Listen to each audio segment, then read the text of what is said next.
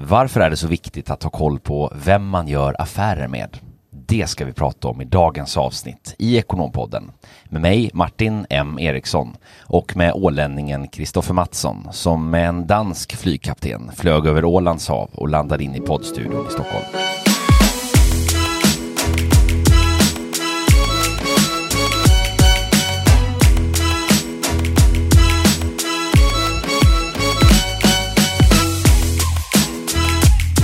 Vet du vad jag tänkte på Martin?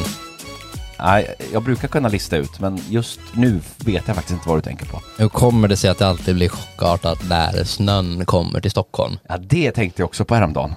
Ja, det är, eh, jag såg faktiskt på Nyhetsmorgon här då när det, när det bröt ut för två veckor sedan och, och man tycker alltid så här, varför gör snöskottarna inte sitt jobb? Men då, då var det ett urklipp, eh, eller ett nyhetsklipp av en snöskottare som faktiskt hade lämnat sin bröllopsdag tror jag med frun för att åka ut och skotta så att vi skulle kunna ha vägarna fria. Så att så här, det finns verkligen två sidor av alla mynt. Och ändå så är det så dåligt skottat. Ja, ändå är det så dåligt skottat och det är inskottade bilar och, och det, ja, nej. Apropå är det så ska jag skotta fram min bil idag för att den får inte stå parkerad, den står parkerad i natt. Och det är en stor, stor snövall framför den. Så att ja, det blir dagens, eh, det blir nog dagens träningspass faktiskt. Ja, det är lätt att förarga sig på, på saker och eh, försenade plan och inskottade bilar och det är faktiskt en av de saker jag gjort sen, sen sist. Jag blev inspirerad faktiskt av vårt egna avsnitt här i podden och så läste jag en, en bok eh, som jag för övrigt skulle vilja slå ett slag för.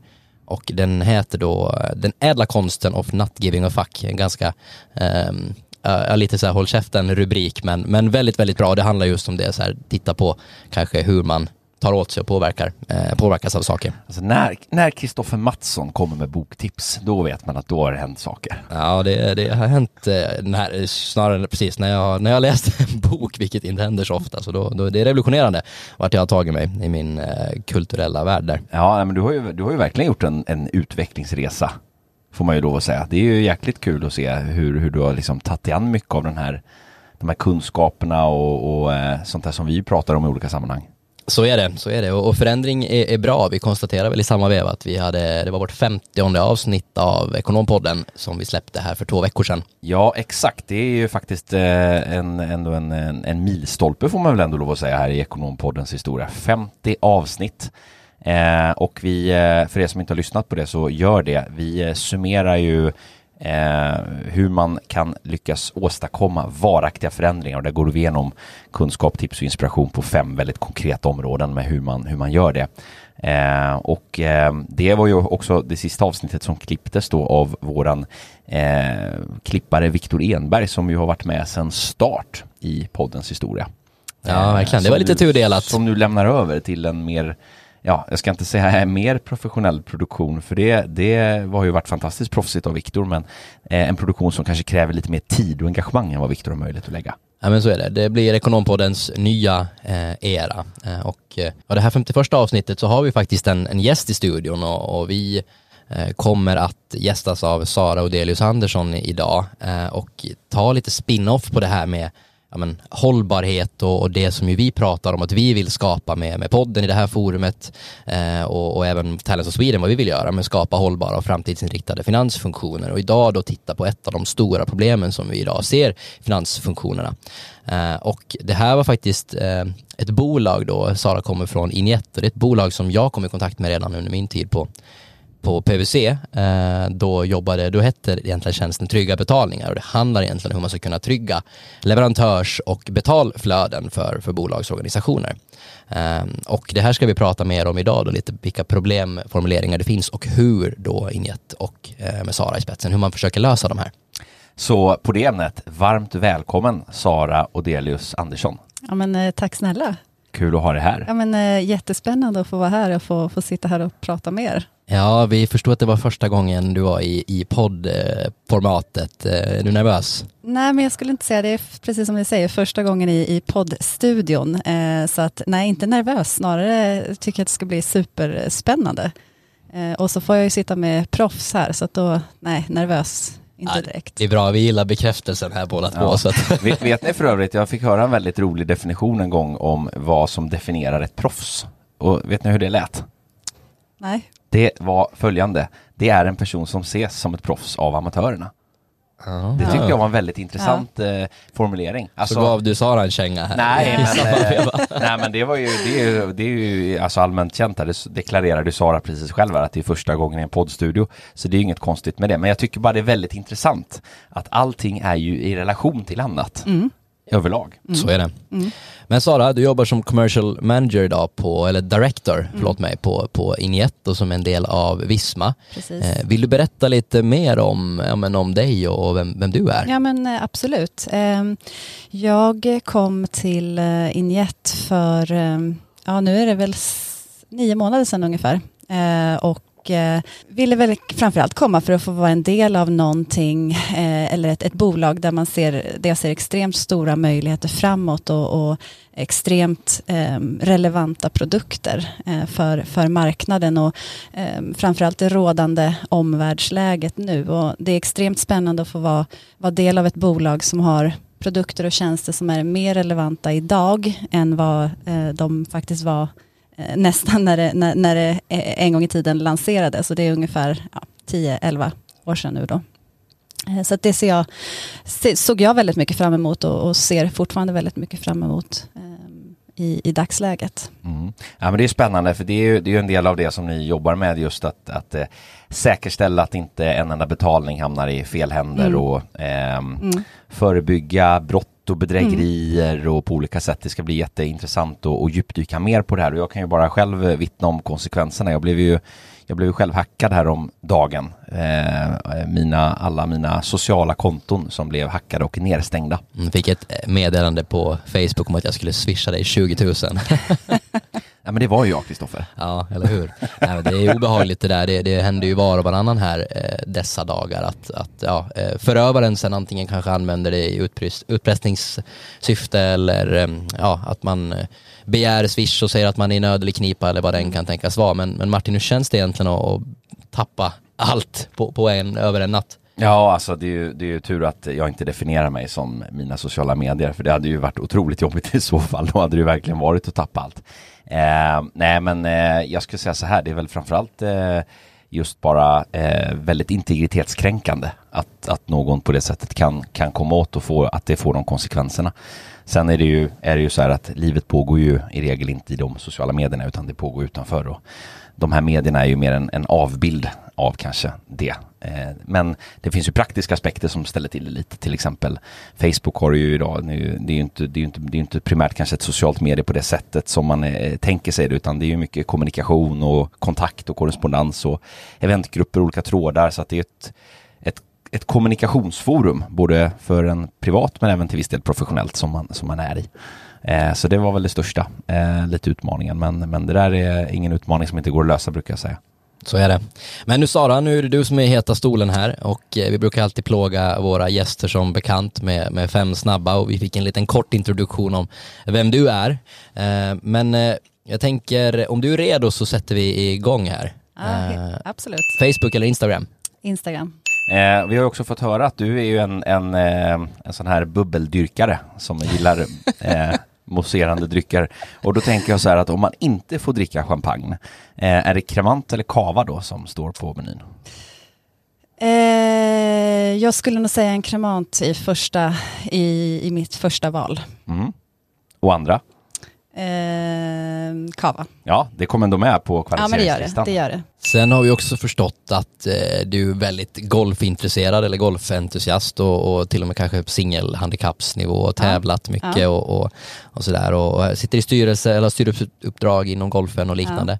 Ehm, vad, då kommer vi till 10 miljoners frågan eh, om du använder plastpegg eller träpegg när du spelar. Träpegg. Ja, bra, Alltid gubbpengar vita. är förskräckliga. Va, vad är det för, för någon som inte spelar golf då? Vad är det för träslag i träpeggen? Du, det vet jag faktiskt inte. Nej, det var överkurs. Men jag spelar alltid med vita peggar. Alltid vita pengar, men det är bra. Man kan inte, vinna, man kan inte ändra på de där, mm, vad heter det, Rutin, eller de eh, rutinerna vill jag kalla det. Men Exakt. eh, någon annan hade kanske kallat det eh, dåliga vanor. Ja, eller? vanor ja, precis. Ja, nej, men spännande. Och om vi, om vi ska ut och resa då, är det solsken i Paris eller snö i New York? Eh, solsken i Paris skulle jag definitivt säga. Jag Mm. älskar Europa. Eh, Sen har vi också förstått här att eh, du är vegetarian, men vi måste ju ändå utmana dig eh, och fråga om du föredrar lammkorv eller bacon.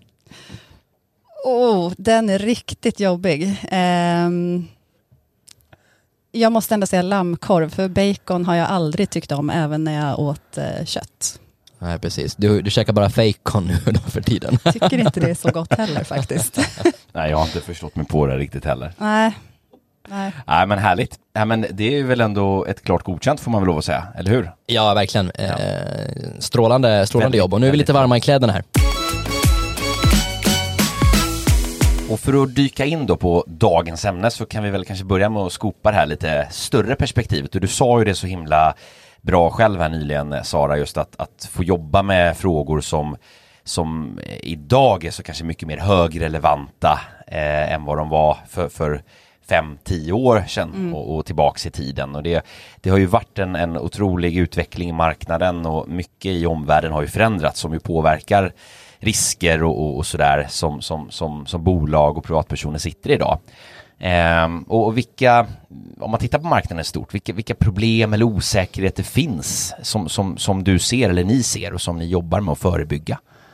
Ja, men generellt som sagt så, så vi säkerställer ju egentligen säkra affärsrelationer och, och, och betalningar för att hjälpa våra kunder att undvika eh, misstag, manuella misstag eller bedrägerier eller eh, onödiga risker helt enkelt kopplat till det här. Och man kan väl säga att jag brukar vilja beskriva det som att det finns egentligen fyra huvudanledningar till varför man ska ha koll på sina affärsrelationer eh, som bolag. Och det kanske det mest traditionella är ju framförallt det här monetära perspektivet. Man ska ha koll på sina betalningar och sina leverantörer för att man, man, man inte vill förlora pengar eller eh, göra, eh, göra fel rent pengamässigt kan man väl säga.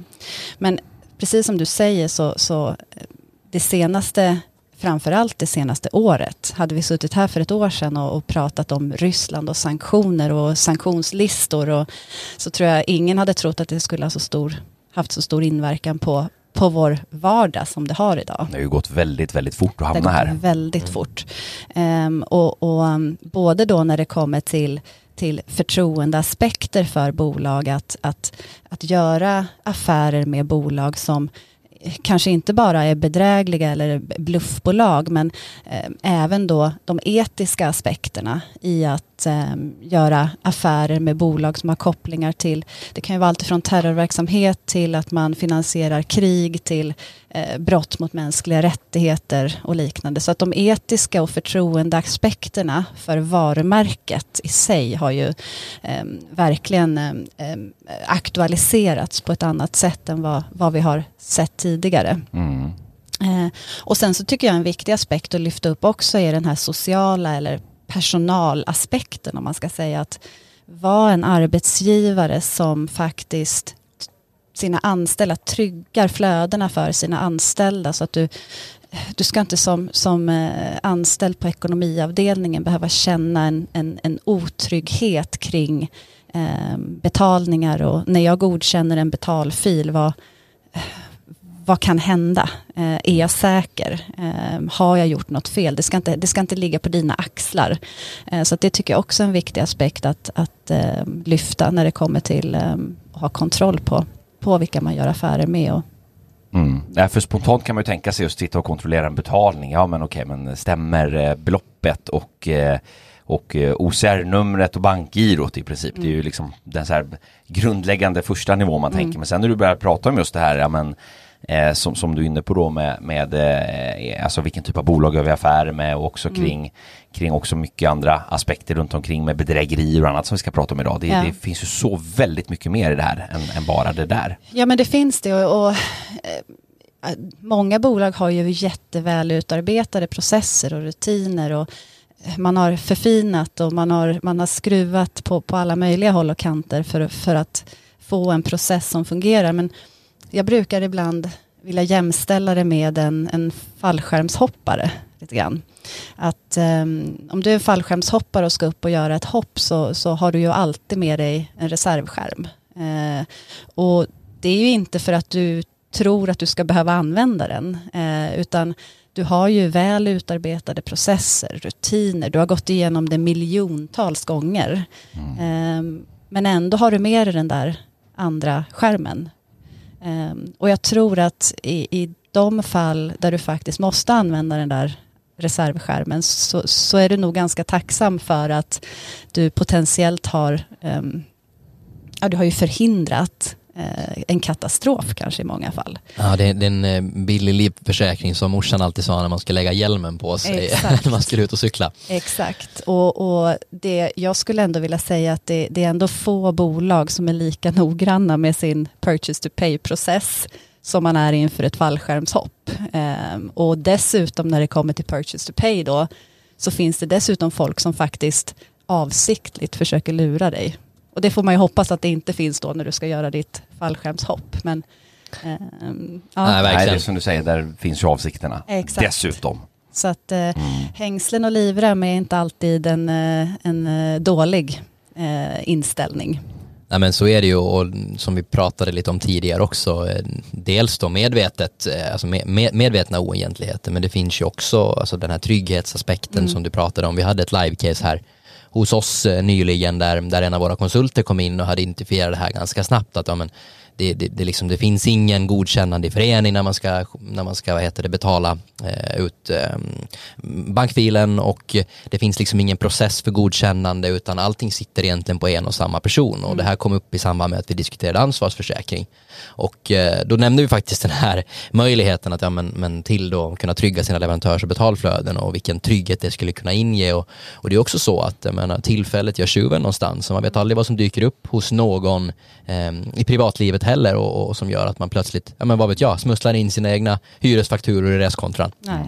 Och om man tittar då på, på liksom konkreta exempel på bakgrunder eller situationer som mm. kan liksom trigga mm triggar då de här riskerna som finns. Mm. Eh, vill du exemplifiera lite hur det kan, hur det kan se ut?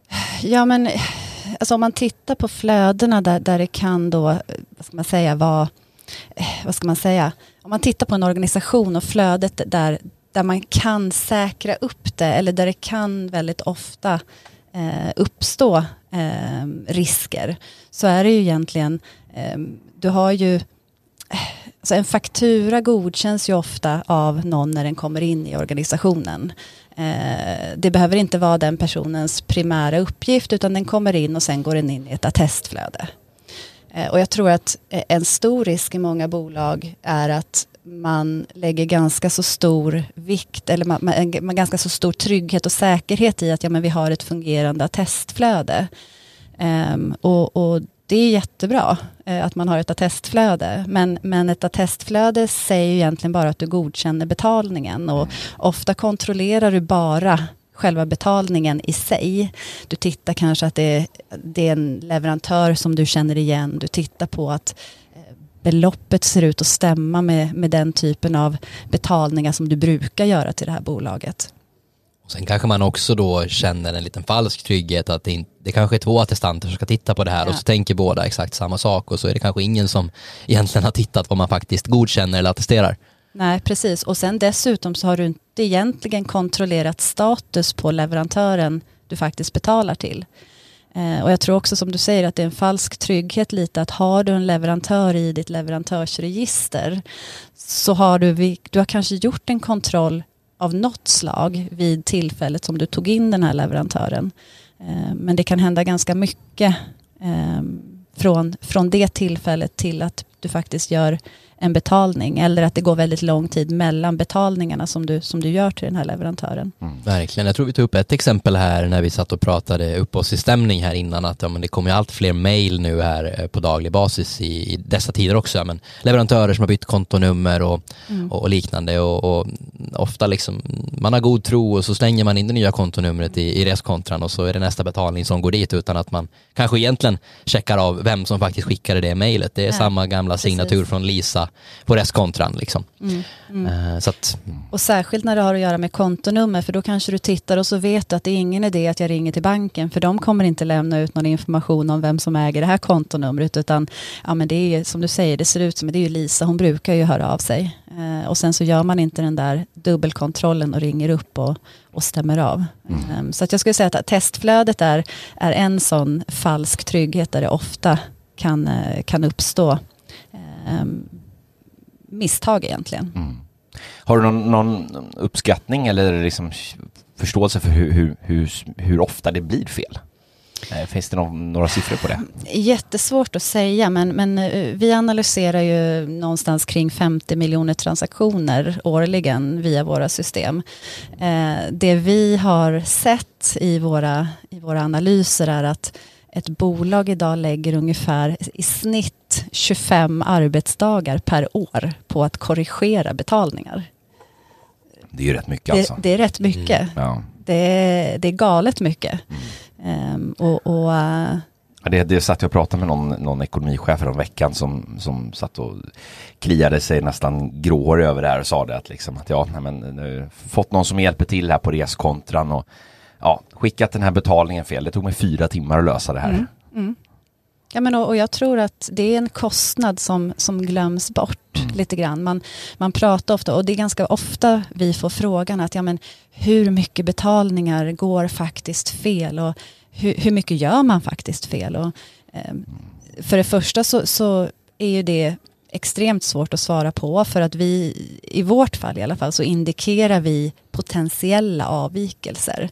Sen behöver det ju inte vara en avvikelse utan det är upp till bolaget att göra en bedömning på om det, om det är en, en avvikelse eller om det helt enkelt är Mm. rätt.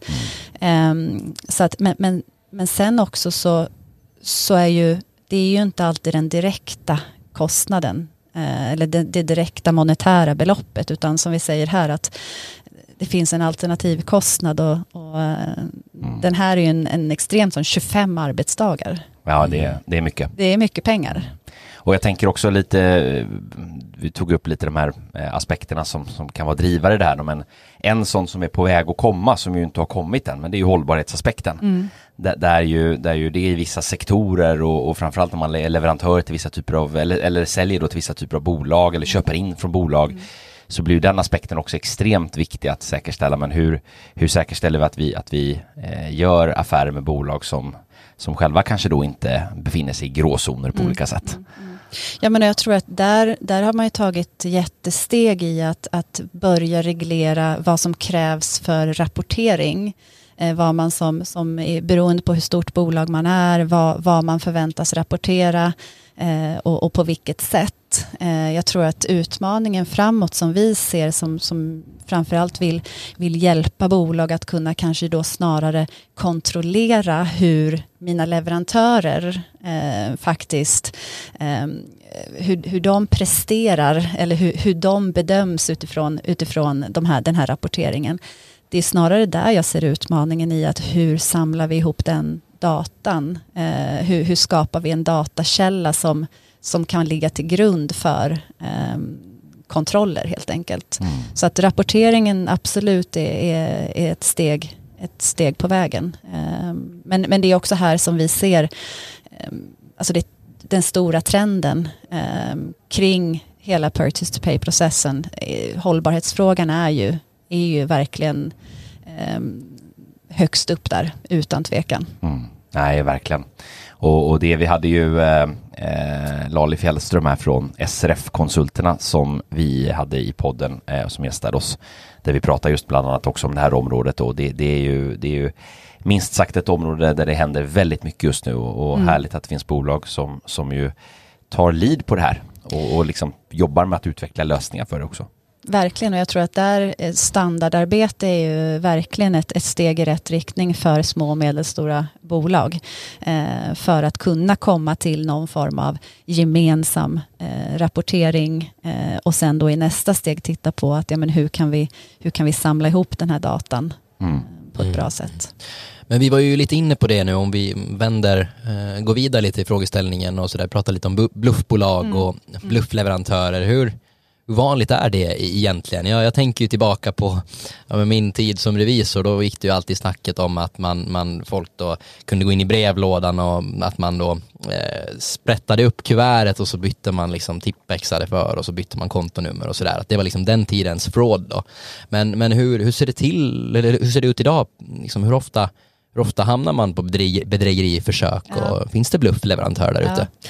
Det finns ganska mycket bluffleverantörer där ute. Ehm, och faktum är att tittar man på det så ungefär 3 miljarder kronor hamnar i händerna på bluffbolag varje år. Det är en svindlande summa. Ehm, det vi ser som, som jobbar med att kontrollera betalningar mot eh, bluffbolag, eller ja, framförallt då Svenskt Handels lista eh, med, med de här bolagen på, eh, det är att vi ser en ökning av indikationer på det här eh, med 25 procent bara senaste två åren. Så att det, det, det är också en utmaning i att man de som vill begå bedrägerier hittar hela tiden nya sätt att komma runt reglerna. Mm. De, är, de är hela tiden steget, steget före. Ja, verkligen. Det är ju bara att lyssna in på, på men bedrägeriet här mot Martins sociala medier. Så det är ju, det är ju lite i samma, samma liksom, vi, vi, vi, rör oss just på samma arena mm. och det är, ju, det är obehagligt och man hittar ju på, de är ju smarta bedrä, bedragarna också, de hittar nya sätt eh, hela tiden. Och de, de här tre miljarderna som du säger då, de, mm. de, är säkert inte, de betalar säkert inte in momsbeloppen heller så det borde ligga i statens intresse att fånga dem också. Ja men verkligen, så är det ju och, och det, det, finns ju också indikationer för att det, det, vad ska man säga, att det är ett bedrägligt beteende på gång. Eh, och jag menar det kan ju vara allt ifrån att eh, alltså det kan vara allt ifrån eh, att man har ändrat ett eh, gironummer till eh, ja, men att man har ändrat eh, styrelsemedlemmar eller ägarförhållanden som kan vara så små indikatorer på att titta lite extra. Mm, red det behöver alert. inte vara något fel, men, men det kan vara i alla fall en liten, om inte red alert så i alla fall en liten gul mm. varning. Mm. Ja, men det, jag kan tänka mig att det kan väl bli ganska obehagliga konsekvenser i olika former också om man, om man hamnar i den här typen av, av eh, affärsrelationer. Mm. Alltså mer eller mindre ofrivilligt då så att säga. Ja men eh, så är det ju såklart och, och risken att förknippas med eh, att man, har, att man har gjort affärer med bedrägliga eller oseriösa och bedrägliga bolag. Det, det kan ju faktiskt ganska allvarligt skada ett, ett bolags varumärke och få ganska så förödande konsekvenser på, på lång sikt. Um, det är bara att kolla på storbankerna efter penningtvättsskandalerna så har man ett ganska konkret och aktuellt exempel. Mm. Och sen så är det ju så, jag menar sannolikheten att, att ett stort företag utsätts för bedrägeri det är ju större än ett mindre bolag men ofta så gör det mer ont för ett litet bolag att drabbas kanske framförallt om man pratar då om de monetära um, så att jag skulle säga att de små bolagen är en större risk eller kan få mer eh, långtgående konsekvenser, kanske rent eh, monetärt, eh, medan de stora bolagen kanske snarare har just den här förtroendefrågan och varumärkesfrågan som, som är en, eh, en viktig, eller en, en, den konsekvensen som kanske är störst för dem. Um, och sen kan du, jag menar, du kan ju till och med få sanktion, jag menar, du kan ju få, få, få sanktionsavgifter kopplade eh, om, om du inte har koll på vilka du gör affärer med. Så att eh, det, det det kan få ganska långtgående konsekvenser. Mm. Och man är ju från regeringens håll lite på, på väg att utreda mm. eh, både vad, vad, vilket ansvar som ska åläggas bolag. Ja. Eh, och det här är man inte riktigt klar med än. Det har inte kommit något konkret än, men, men det utreds just nu vad vi förstår. Ja, men det gör det precis. Och, och ehm, det, regeringen tillsatte i december 21 en utredning för att motverka att eh, aktiebolag och, och företag används för att begå brott. Ehm, och, och, det här är som sagt på gång. Man, man förväntas presentera någonting till sommaren 2023 men Skatteverket plockade faktiskt upp det här och, och eh, bestämde sig för att vidta egna åtgärder för att gå vidare med och potentiellt kunna upptäcka då eh, oegentligheter kring, kring det här. Och, eh, de gjorde, det de gjorde var att de gick in och följde upp förändringar i bolagens deklarationer då Ehm, och mellan hösten 21 och sommaren 22 så sorterades 340 företag ut av Skatteverket för kontroll. Och av de här har faktiskt 254 blivit föremål för olika åtgärder. Det är ganska hög andel. Verkligen. Men vad är det för typ av åtgärder då? För jag tänker, vad, vad, vad har Skatteverket för intresse i det här eh, mer än att, eh, mer än att då eh, momspengar hamnar på Ja men precis, ja, gemensamt för de här bolagen var faktiskt att alla hade gjort oanmälda ägare eller styrelseändringar.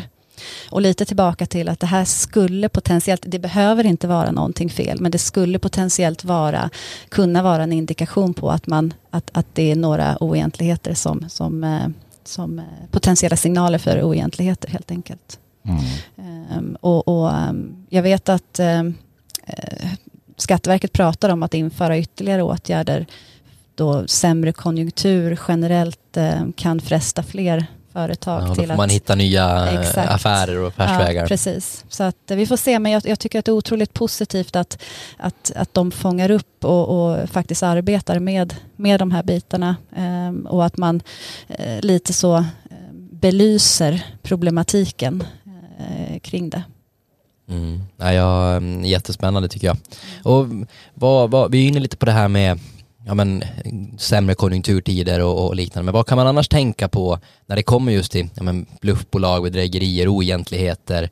Jag tänker spontant eh, någon sån här klassisk som vi pr- pratar mycket om just på ekonomiavdelningar, mycket vika, vikari, vikariat och liknande, sommartid till exempel, det kanske inte är ordinarie plan, vem attesterar, vem tittar på, på vad. Det skulle kunna vara en klassisk sån här där man kanske har ett behov av det här än mer.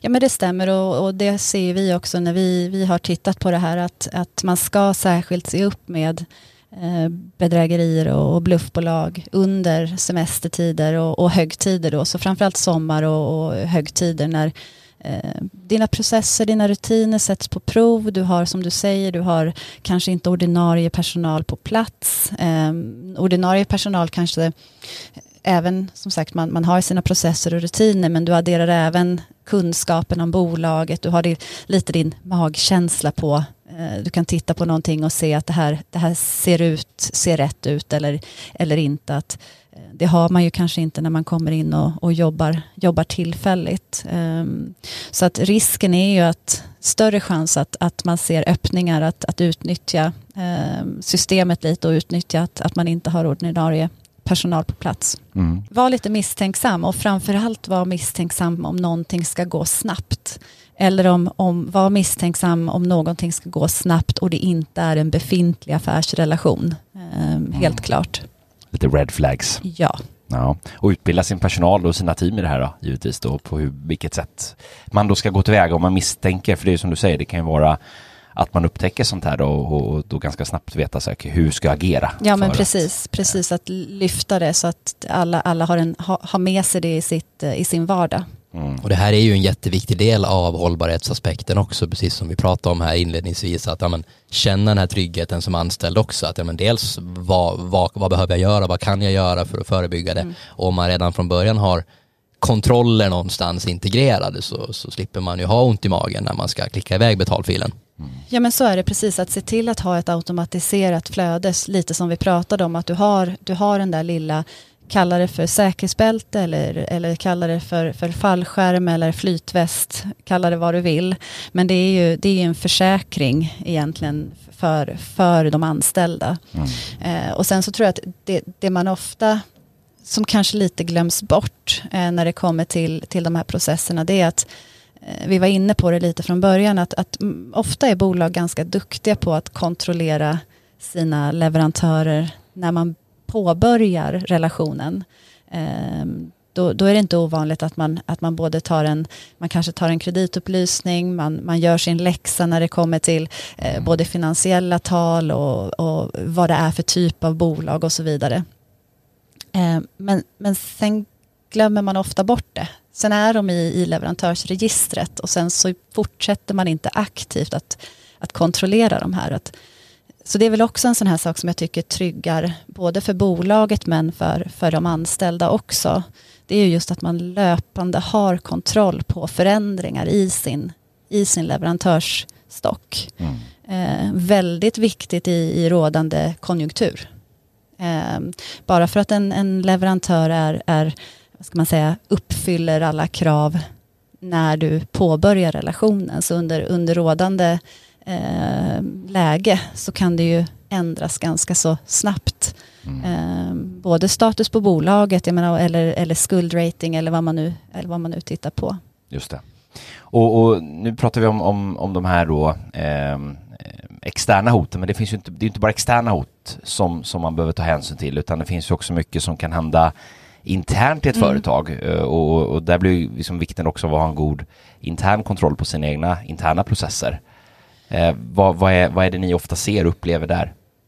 Ja, men precis som du säger så, så, eh, så ska man inte underskatta eh, vikten av, av sin, sin internkontroll. Och, eh, bara för att en, en faktura blivit godkänd när den registreras så, så kan mycket hända från det till att pengar faktiskt eh, betalas ut. Och, ehm, ofta så är det ju så att ganska många anställda i en organisation har möjlighet att göra någon form av inköp. Och, Eh, ofta har man ju kanske, vi, man har kanske dubbla och trippla attest, men det finns som sagt sällan, sällan tid att kunna kontrollera bolagen bakom den faktiska fakturan. Och det förekommer därför en ganska så stor risk att eh, inköp görs som kan spåras till, till leverantörer där anställda har någon form av aktiv roll. Eh, det kan vara någon form av ägarstruktur eller styrelse.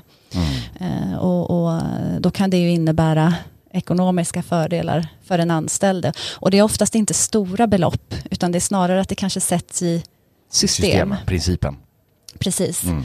Eh, lite som bedragare ofta, så, som jobbar med kort, kortbedrägerier. Eh, de, de eh, drar ju ofta inte stora summor på en och samma gång, utan det är, det är små belopp som man själv inte reagerar över att det har försvunnit från kontot. Nej, det har man ju hört någon som har haft 179 spänn i månaden och trott att det är typ är Netflix och sen ja. visar det sig att det var det inte, har man ju hört faktiskt. Precis. Eh, och det har de aldrig ens fått reda på Nej. sen. Eh, så det... Mm. Och det här är ju framförallt i, vi jobbar ju en hel del mot offentlig sektor.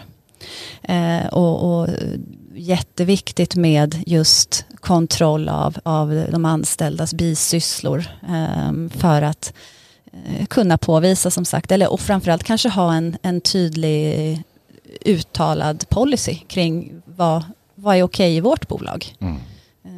Vad behöver, är det så att det inte är okej överhuvudtaget att ha en bis, någon form av bisyssla eller är det okej med viss typ, att man bara behöver ange vad det är. Eller, men, men det är ju som sagt upp till varje bolag att göra den bedömningen. Just det, när man får ta ett eget aktivt eh, statement ja. i, i, i, frågan. Precis. Ja men spännande. Och, och, och, mycket av det här är ju, det är som, som vi är inne på här, det handlar om beteenden eh, internt och att, att, att, medarbetare ska förstå hur man ska agera, vad man ska redflagga.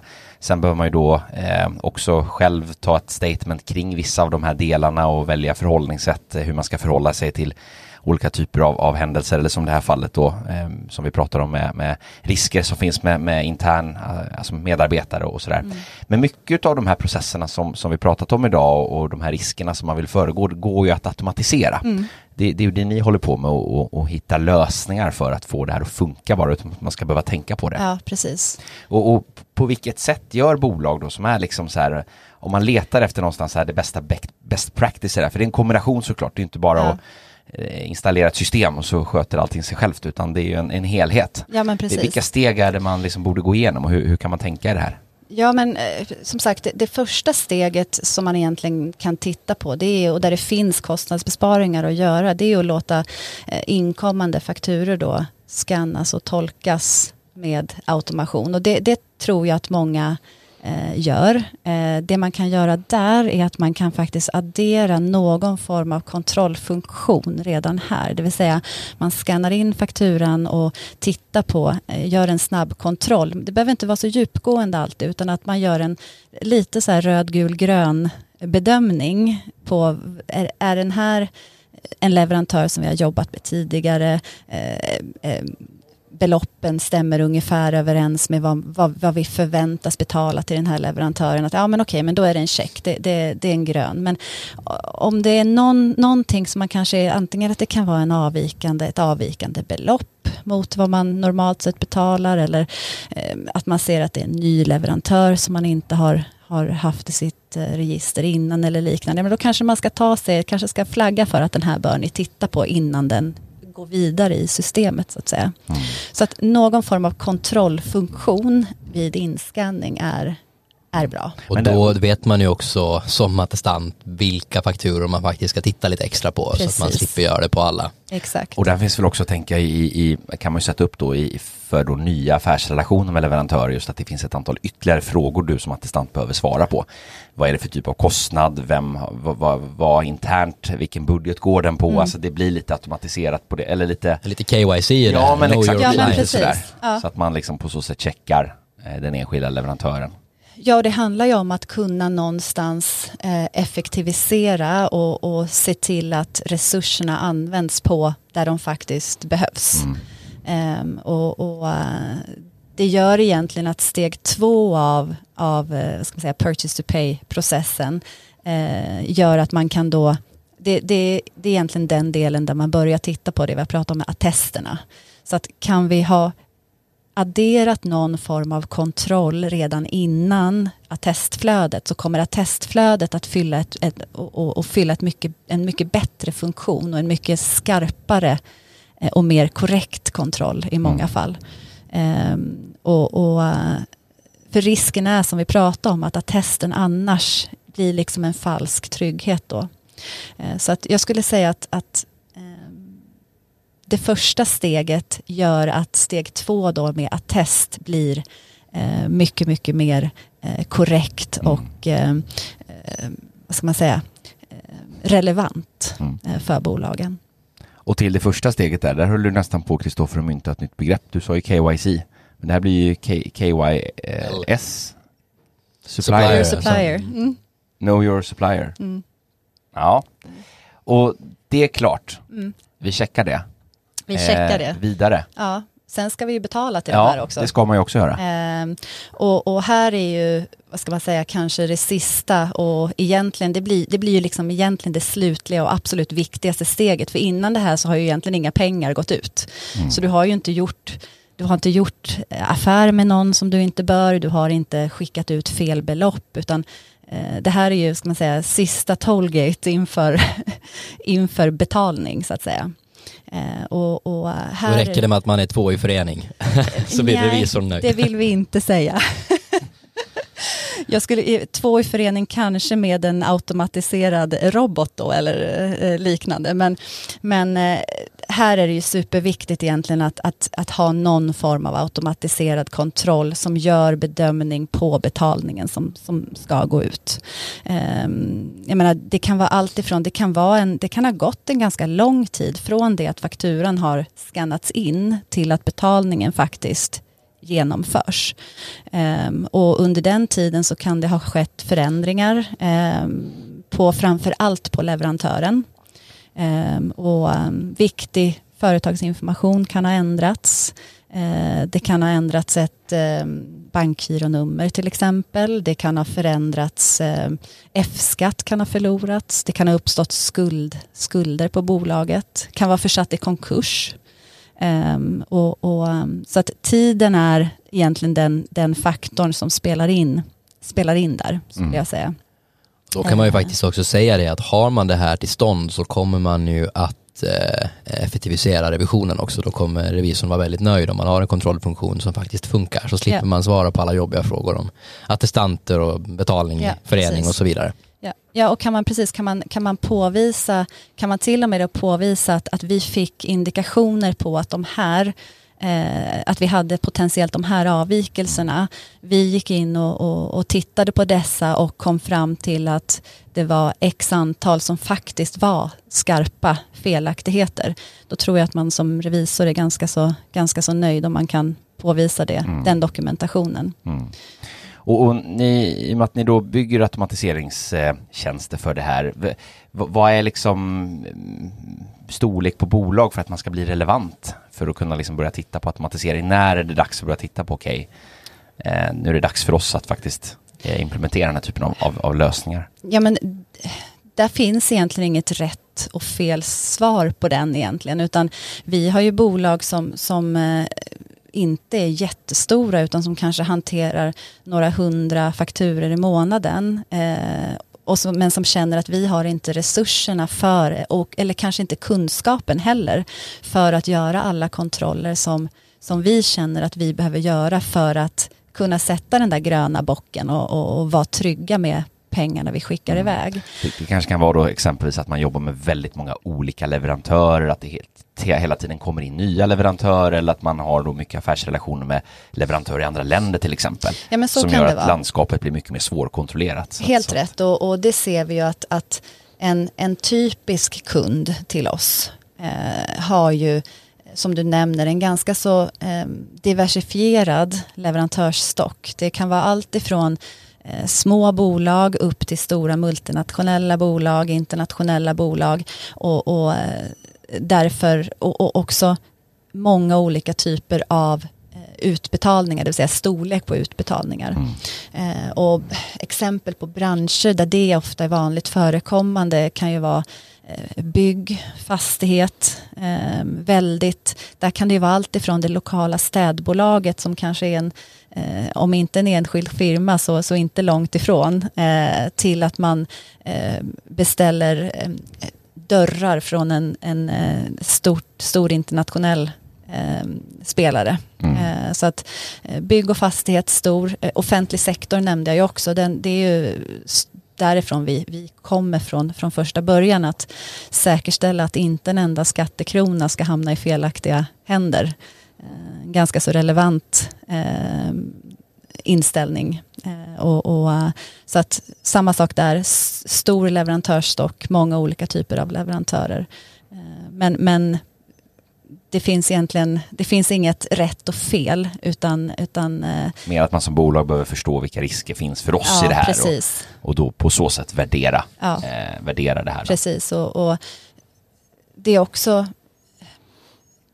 För, för vissa bolag så kan ju en, en felaktighet på, på 50 000, en felaktig betalning på 50 000 var, ha otrolig påverkan för, för det, det månadsresultatet till exempel. Och för, för, en, för ett annat bolag så, så tycker man att det är eh, kaffepengar men man, man kanske å andra sidan vill göra rätt för sig ur ett, eh, mer som vi pratade om, mer ur ett, ett perspektivet att vi vill inte förknippas med felaktigheter eh, oavsett om det är en, en bedräglig eller ett, ett oseriöst bolag men det kan ju också vara att man inte vill förknippas med felaktigheter eller bara att göra fel.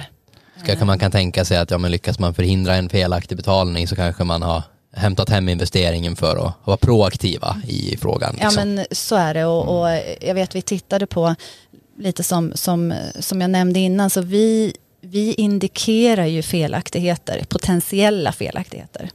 Eh, där vi vill att, att eh, bolagen ska kika lite extra. Ehm, sen är det ju upp till bolagen själva att bedöma och jobba med de här och, och markera om det faktiskt är en felaktighet eller, eller inte. Men det är ganska så intressant att vi hade en, en, en stor kund i ett av våra starka segment som, som är väldigt duktig på att jobba med de här bitarna. Och eh, de, hade, de tittade på förra året och hur det hade sett ut för dem. Ehm, och ehm, de hade, tittade de på förra året så hade de ungefär en och en halv faktisk, ehm, faktiskt fel i månaden, ungefär 20 på året. Och det låter ju inte jättemycket. Ehm, men värdet på det här var nästan 6 miljoner kronor för dem. Och Det är en bra julfest. det är en bra julfest.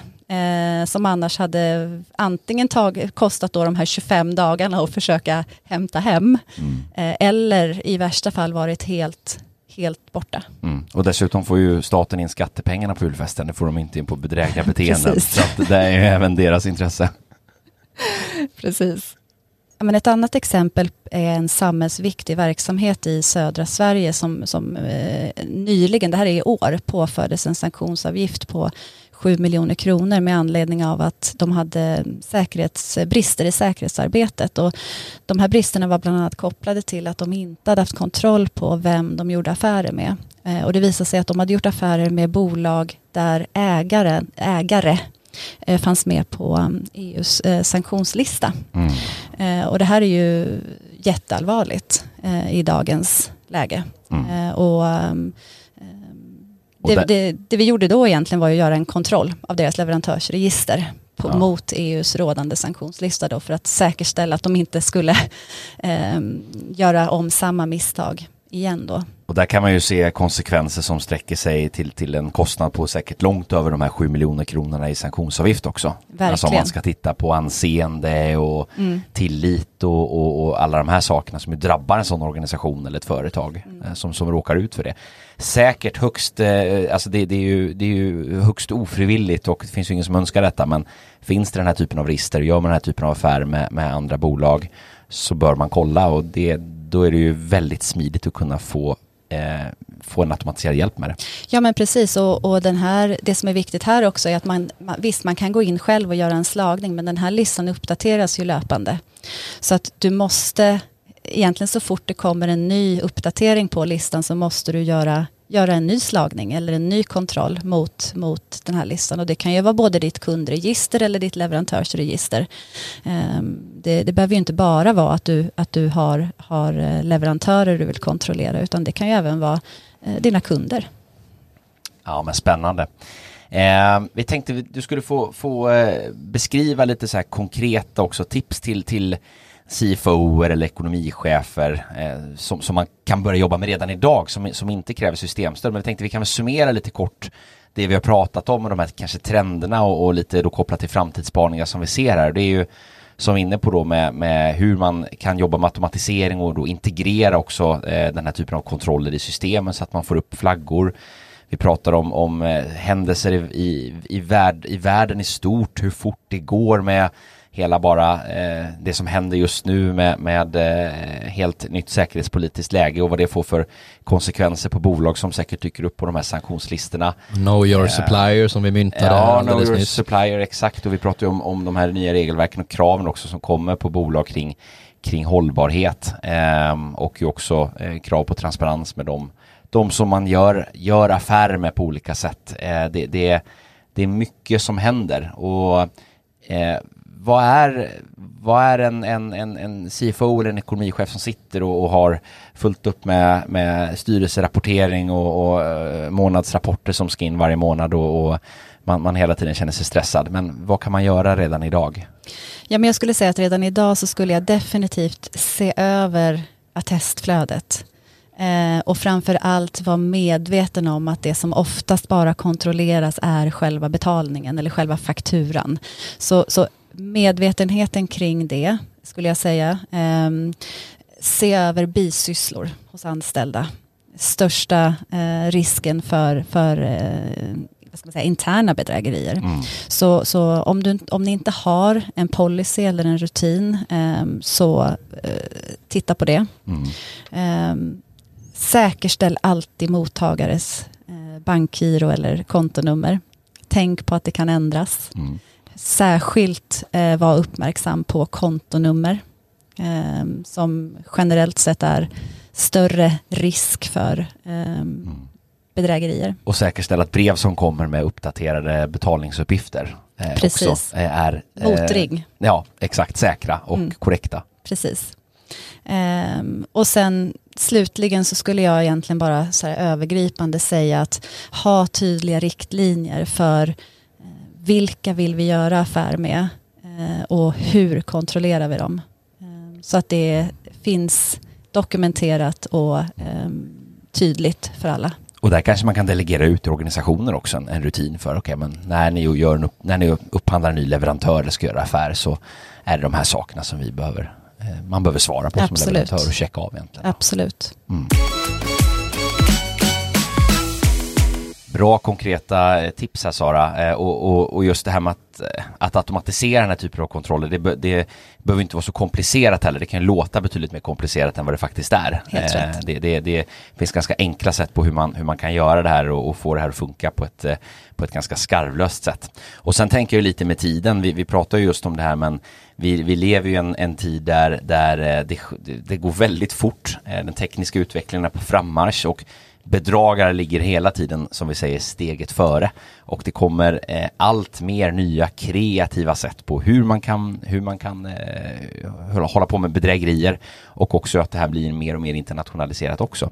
Så att det finns ju väldigt många eh, rena makrodrivare som ju sätter vikten av att faktiskt ta de här frågorna på allvar och där kan väl jag ju bara själv säga att eh, gör det innan det drabbar en eh, att, att faktiskt se, se, till att säkra upp den här typen av processer eh, innan man eh, innan man, man hamnar i, i en problematisk situation på ett Verkligen. Och vid nedskärningar också så kan det här vara en bra grej att faktiskt lägga lite resurser på proaktivt också och inte liksom börja cykla utan cykelhjälm eller ta bort hemlarmet för att det här är viktigt och det är en ganska liten investering för att vad man kan faktiskt skapa för kontrollfunktioner och trygghet både för de anställda och, och eh, så att man kan trygga sina betal och leverantörsflöden. Stort tack Sara för att du ville gästa oss och komma och sätta lite fokus på hur man kan jobba med de här frågorna. Ja, men tack själv. Jättekul att ha dig här och eh, till alla lyssnare, tack för idag. Vi eh, hörs och eh, ses höll jag på att säga, men hörs om två veckor igen. Det gör vi. Ha det fint. Tack hej. och hej. Tack, tack.